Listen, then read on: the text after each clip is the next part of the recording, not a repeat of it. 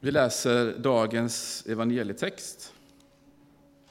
Vi kan, väl, vi kan stå upp när vi läser den, så får vi sträcka på benen också. Jerusalem, Jerusalem, du som dödar profeterna och stenar dem som blir sända till dig.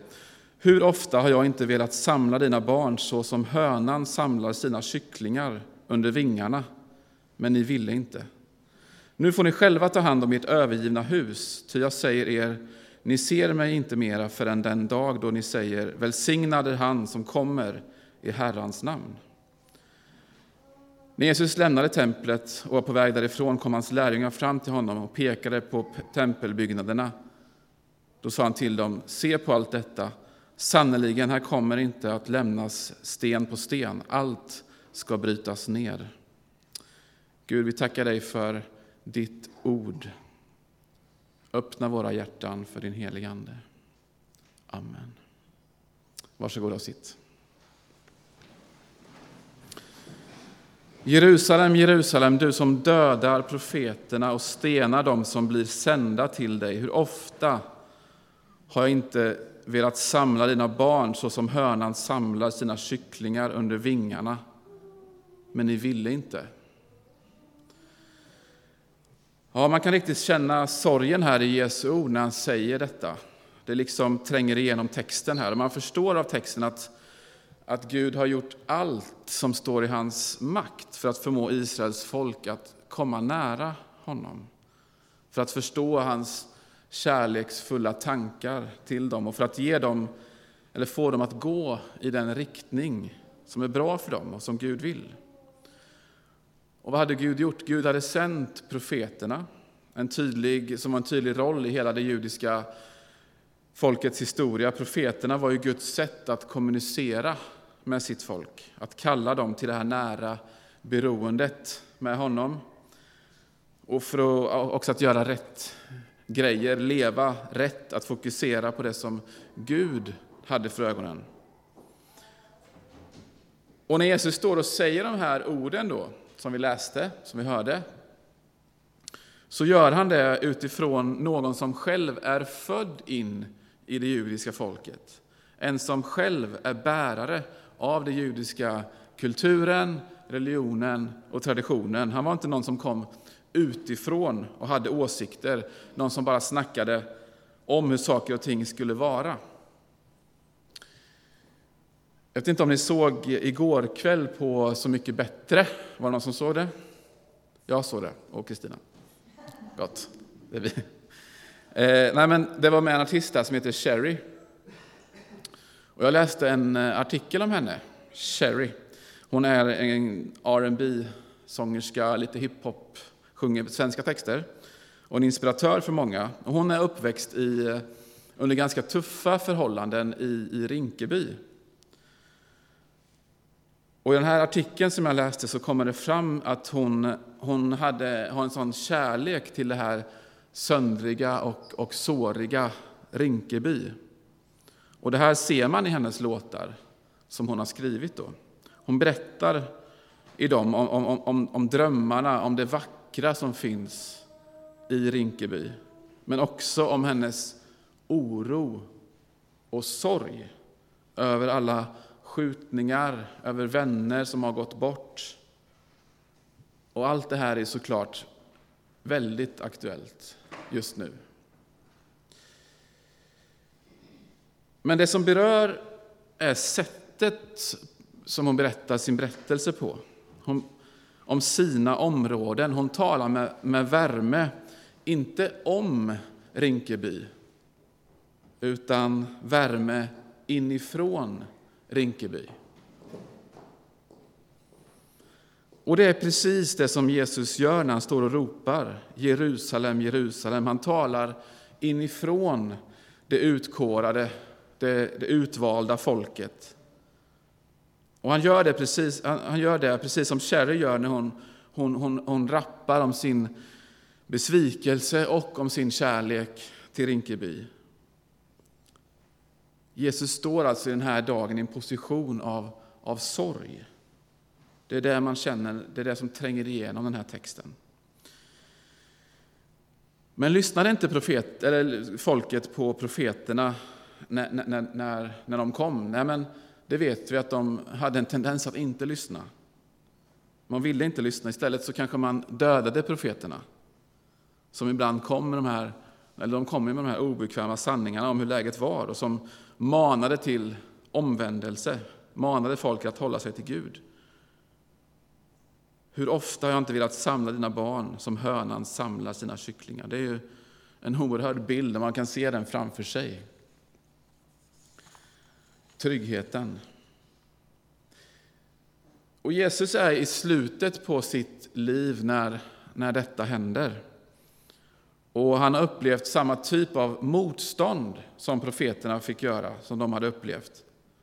Och han skulle ju själv komma att bli infångad, fängslad och dödad. Men Jesus vet också någonting. Han vet att något nytt och något, något storslaget är på gång. Som kommer att påverka den vilsna människan och påverka hela den här världen. Det vet han i det här ögonblicket. Det är precis som han, han växlar blad och är på väg in i ett nytt eh, kapitel, en, en ny fas. Han vet att det kommer en ny dimension av hjälp till den här världen genom sin död och uppståndelse. Han vet att frälsningen är nära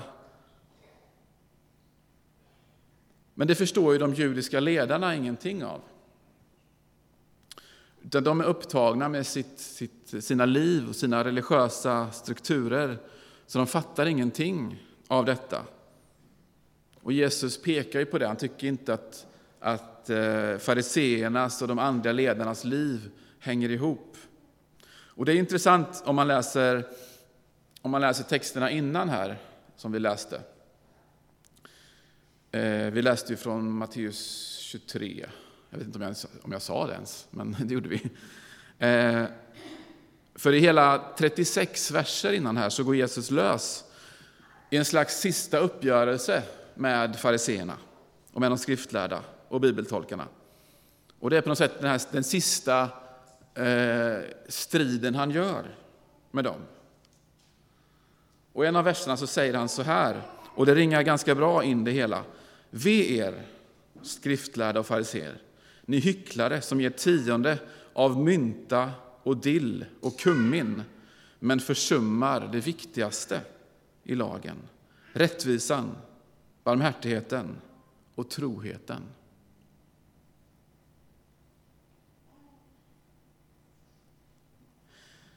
Så varför,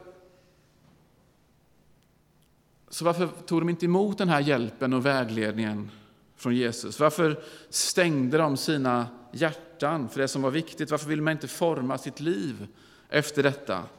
Och göra en, varför, varför gjorde man en tolkning av texterna som man själv ville ha dem? Jag låter de frågorna hänga lite här. Men om vi tar det, tillbaka det till oss lite, det största problemet som människan har i alla tider, alla kategorier, det är när man inte tycker sig behöva Gud. Att man är nöjd med att bygga på sitt eget och så snart så uppfattar man, uppfattar man sig, sig själv och, ja, som tillvarons medelpunkt. Och så får Gud sitta där bak, i baksätet, om man ens får vara med, finns med i bilen. Och det är alltså det allra största självbedrägeriet enligt den kristna tron, det är när människan byter plats med Gud. Och det skiftet sker ju inte alltid eh, på en sekund, utan det sker ju gradvis. Och det är därför vi är kallade att vara uppmärksamma på det, på våra egna liv, vad som är viktigt för oss. Och också in, in, in i vår tid så når de här orden oss. Hur ofta har jag inte velat samla dina barn som hönan samlar sina kycklingar. Alltså Guds längtan efter dig och mig. Men Jesus ser inte bara med sorg över det judiska folket, som vi möter i texten, deras bortvändhet för, för, för 2000 år sedan och ännu längre tillbaka, utan han ser också med sorg på hur våra hjärtan många gånger är stängda för Gud och för det som händer i vår värld idag. Han lider när han ser orättvisa drabba fattiga och utsatta i världen. Han lider när vi försummar barmhärtigheten och blir liksom lite liksom hårda i nyporna. Jag vill inte vara hård i nyporna. Gud vill inte att du ska vara hård i nyporna, att Guds församling ska vara det. Vi ska vara, vi ska vara mjuka händer. Men han lider också när han ser den, den, den jord som vi har fått att, som han har gett oss i uppdrag att, att förvalta. När den har, har feber och mår dåligt. Det är aktuellt just nu. Det är klimatmöte i Glasgow. Det kommer vara mycket på nyheterna här. Är redan. Och FNs klimatpanel säger att utrymmet för att begränsa klimatförändringarna krymper. Det här är inga nyheter för någon av oss. Och man varnar just för att det blir allvarliga konsekvenser för planetens framtid om, upp, om uppvärmningen blir av två grader istället för en och en halv, eller om detta har ändrats. Och Johan Rockström, som är professor i, i, i miljövetenskap, menar att vi, att vi har om vi ska stabilisera läget så har vi ungefär tio år på oss. Och då, kan man ju tänka, då, då, då känner man ju så här, men Herre, förbarma dig över vår värld. Men jag tänker också så här, det, det händer någonting. Det händer någonting när vi ber bönen Gud, vi behöver din hjälp. Eller för mig själv, jag har inte handlat efter ditt hjärta. Att jag har varit så upptagen av mig själv och mitt eget så jag har missat dig.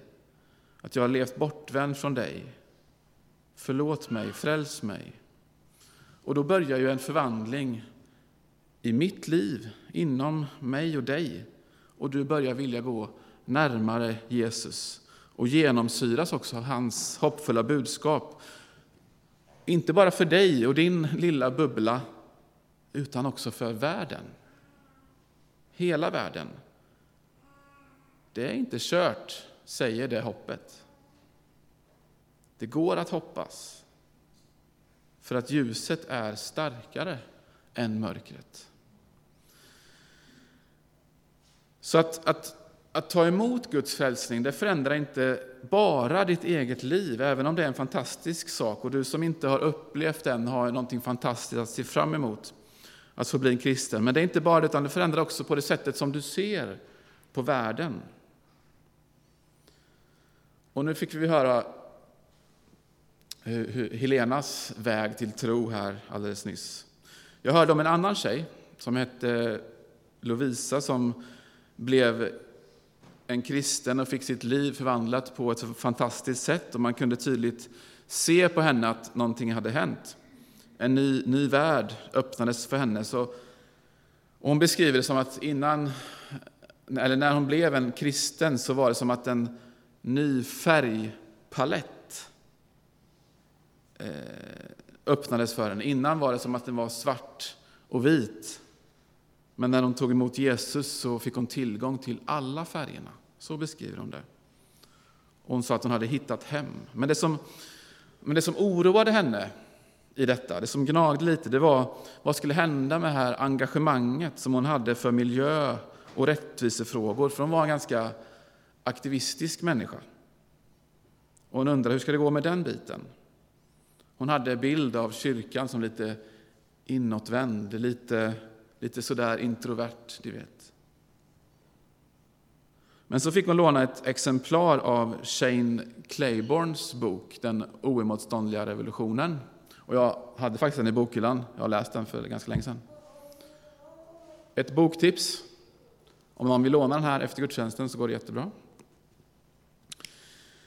Eh, som, den handlar just om en tro som får händer och fötter, som får sociala konsekvenser, där, där, där kärleken eh, är en sån kraft så den driver den kristne till att, till att agera, till en slags aktivistisk tro. Och för honom då, Shane Claiborne, så stannar inte tron, den kan inte stanna bara vid den personliga inre erfarenheten, utan den tar sig också ut i världen genom ja, kärlekens händer och fötter. Och att förstå det här, att se det här var för den här tjejen då, Lovisa en viktig pusselbit, för hon ville inte bli en passiv kyrkobesökare. Det vill väl ingen av oss. Men det var liksom inte så läckert, tyckte hon. Eh, om ni förstår. Hon ville ju förändra världen. Och då hade hon kommit rätt. Hon hade kommit till kyrkan. Det, det är där man förändrar världen. Jag har faktiskt en annan bok hemma som heter just det. Den heter Skulle inte vi förändra världen? Jag tycker det är en bra titel. Skulle inte vi förändra? Ja, men tänk så. Alltså, vadå, lilla Elim, ska vi förändra? Ja, men vi ska vara med där. Du ska vara med där. Det här, alltså i den kristna gemenskapen, det är där dynamiten ligger. Dynamis betyder kraft på grekiska. Har vi förstått det? Eller går vi liksom ovetande och kör på ovetande om den resurs som vi, som vi har, som vi pratar om? Så frälsningen, det är ju temat. Det, det, det är liksom Guds sätt att, att laga det som har gått sönder i den här världen. Inom människan, ja, inom dig och mig, men också i skapelsen. Gud kan inte bara låta det gå åt pipsvängen med allt, utan Guds plan det handlar om upprättelse för den här världen och för allt skapat. Så frälsning, det är att, att genomsyra hela den här världen med Guds kärlek, med Guds barmhärtighet, med rättvisa, med fred och med sanning. Det är det som Jesus har dött för. Han har dött för den här världen. Och det sjunger vi en lovsång, för den här världens skull. Alltså frälsning, räddning, hopp för den här världens skull. Så, så varje liten handling som du som görs för miljön, du som engagerar dig och, och brinner för det, varje handling som, som lättar på trycket för vår planet, det är en del av Guds frälsningsplan. Eller när vi i Elim lägger ner eh, arbete, engagemang på Erikshjälpen som går som tåget just nu för att få in pengar som vi skickar till barn och ungdomar som har sämre förutsättningar än vi, så är det en del av frälsningen. Eller när vi, vi på lunchrasten eh, kanske säger stopp. Nu bemöter vi inte, vi säger, pratar inte om människor på det här sättet, vi bemöter inte med andra personer på ett ovärdigt sätt ja, men då är vi med och arbetar i frälsningens riktning. Och när vi får berätta för en annan människa att Jesus kan skapa något nytt i det som gått sönder i dig, så är det en del av frälsningen. Så vill du kliva in i detta, in i frälsningen och vara med i den här processen, vara med och förändra världen. Det är stora ord. Men kom och var med. Du som kanske tvivlar lite, du som tror, kom och var med. Du som tycker att du är för skör för allting. Och du som är stark och står stabilt med båda fötterna på jorden. Kom du som är, är svår, svårstartad, eller du som är snabbt med på banan. Och kom du och var med, du som upplever att du kanske är på väg mot mot landning i livet? Eller kom du och var med, du som upplever att ditt liv är på väg att börja nästan och lyfta, befinner dig i startgroparna? Alla, låt oss som församling tillsammans med Jesus förändra denna världen, arbeta i frälsningens riktning.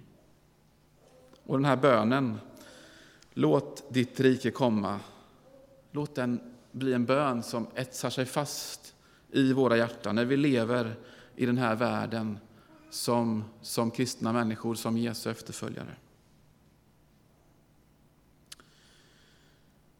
Jag vill avsluta med att be tillsammans. Jag vill be med den helige Franciscus ord. Herre, gör mig till redskap för din fred. Hjälp mig att bringa kärlek där hatet gror tro där tvivel råder, hopp där förtvivlan härskar. Hjälp mig att skänka förlåtelse där orätt begåtts, skapa endräkt där oenighet söndrar, sprida ljus där mörkret ruvar och bringa glädje där sorgen bor. Amen.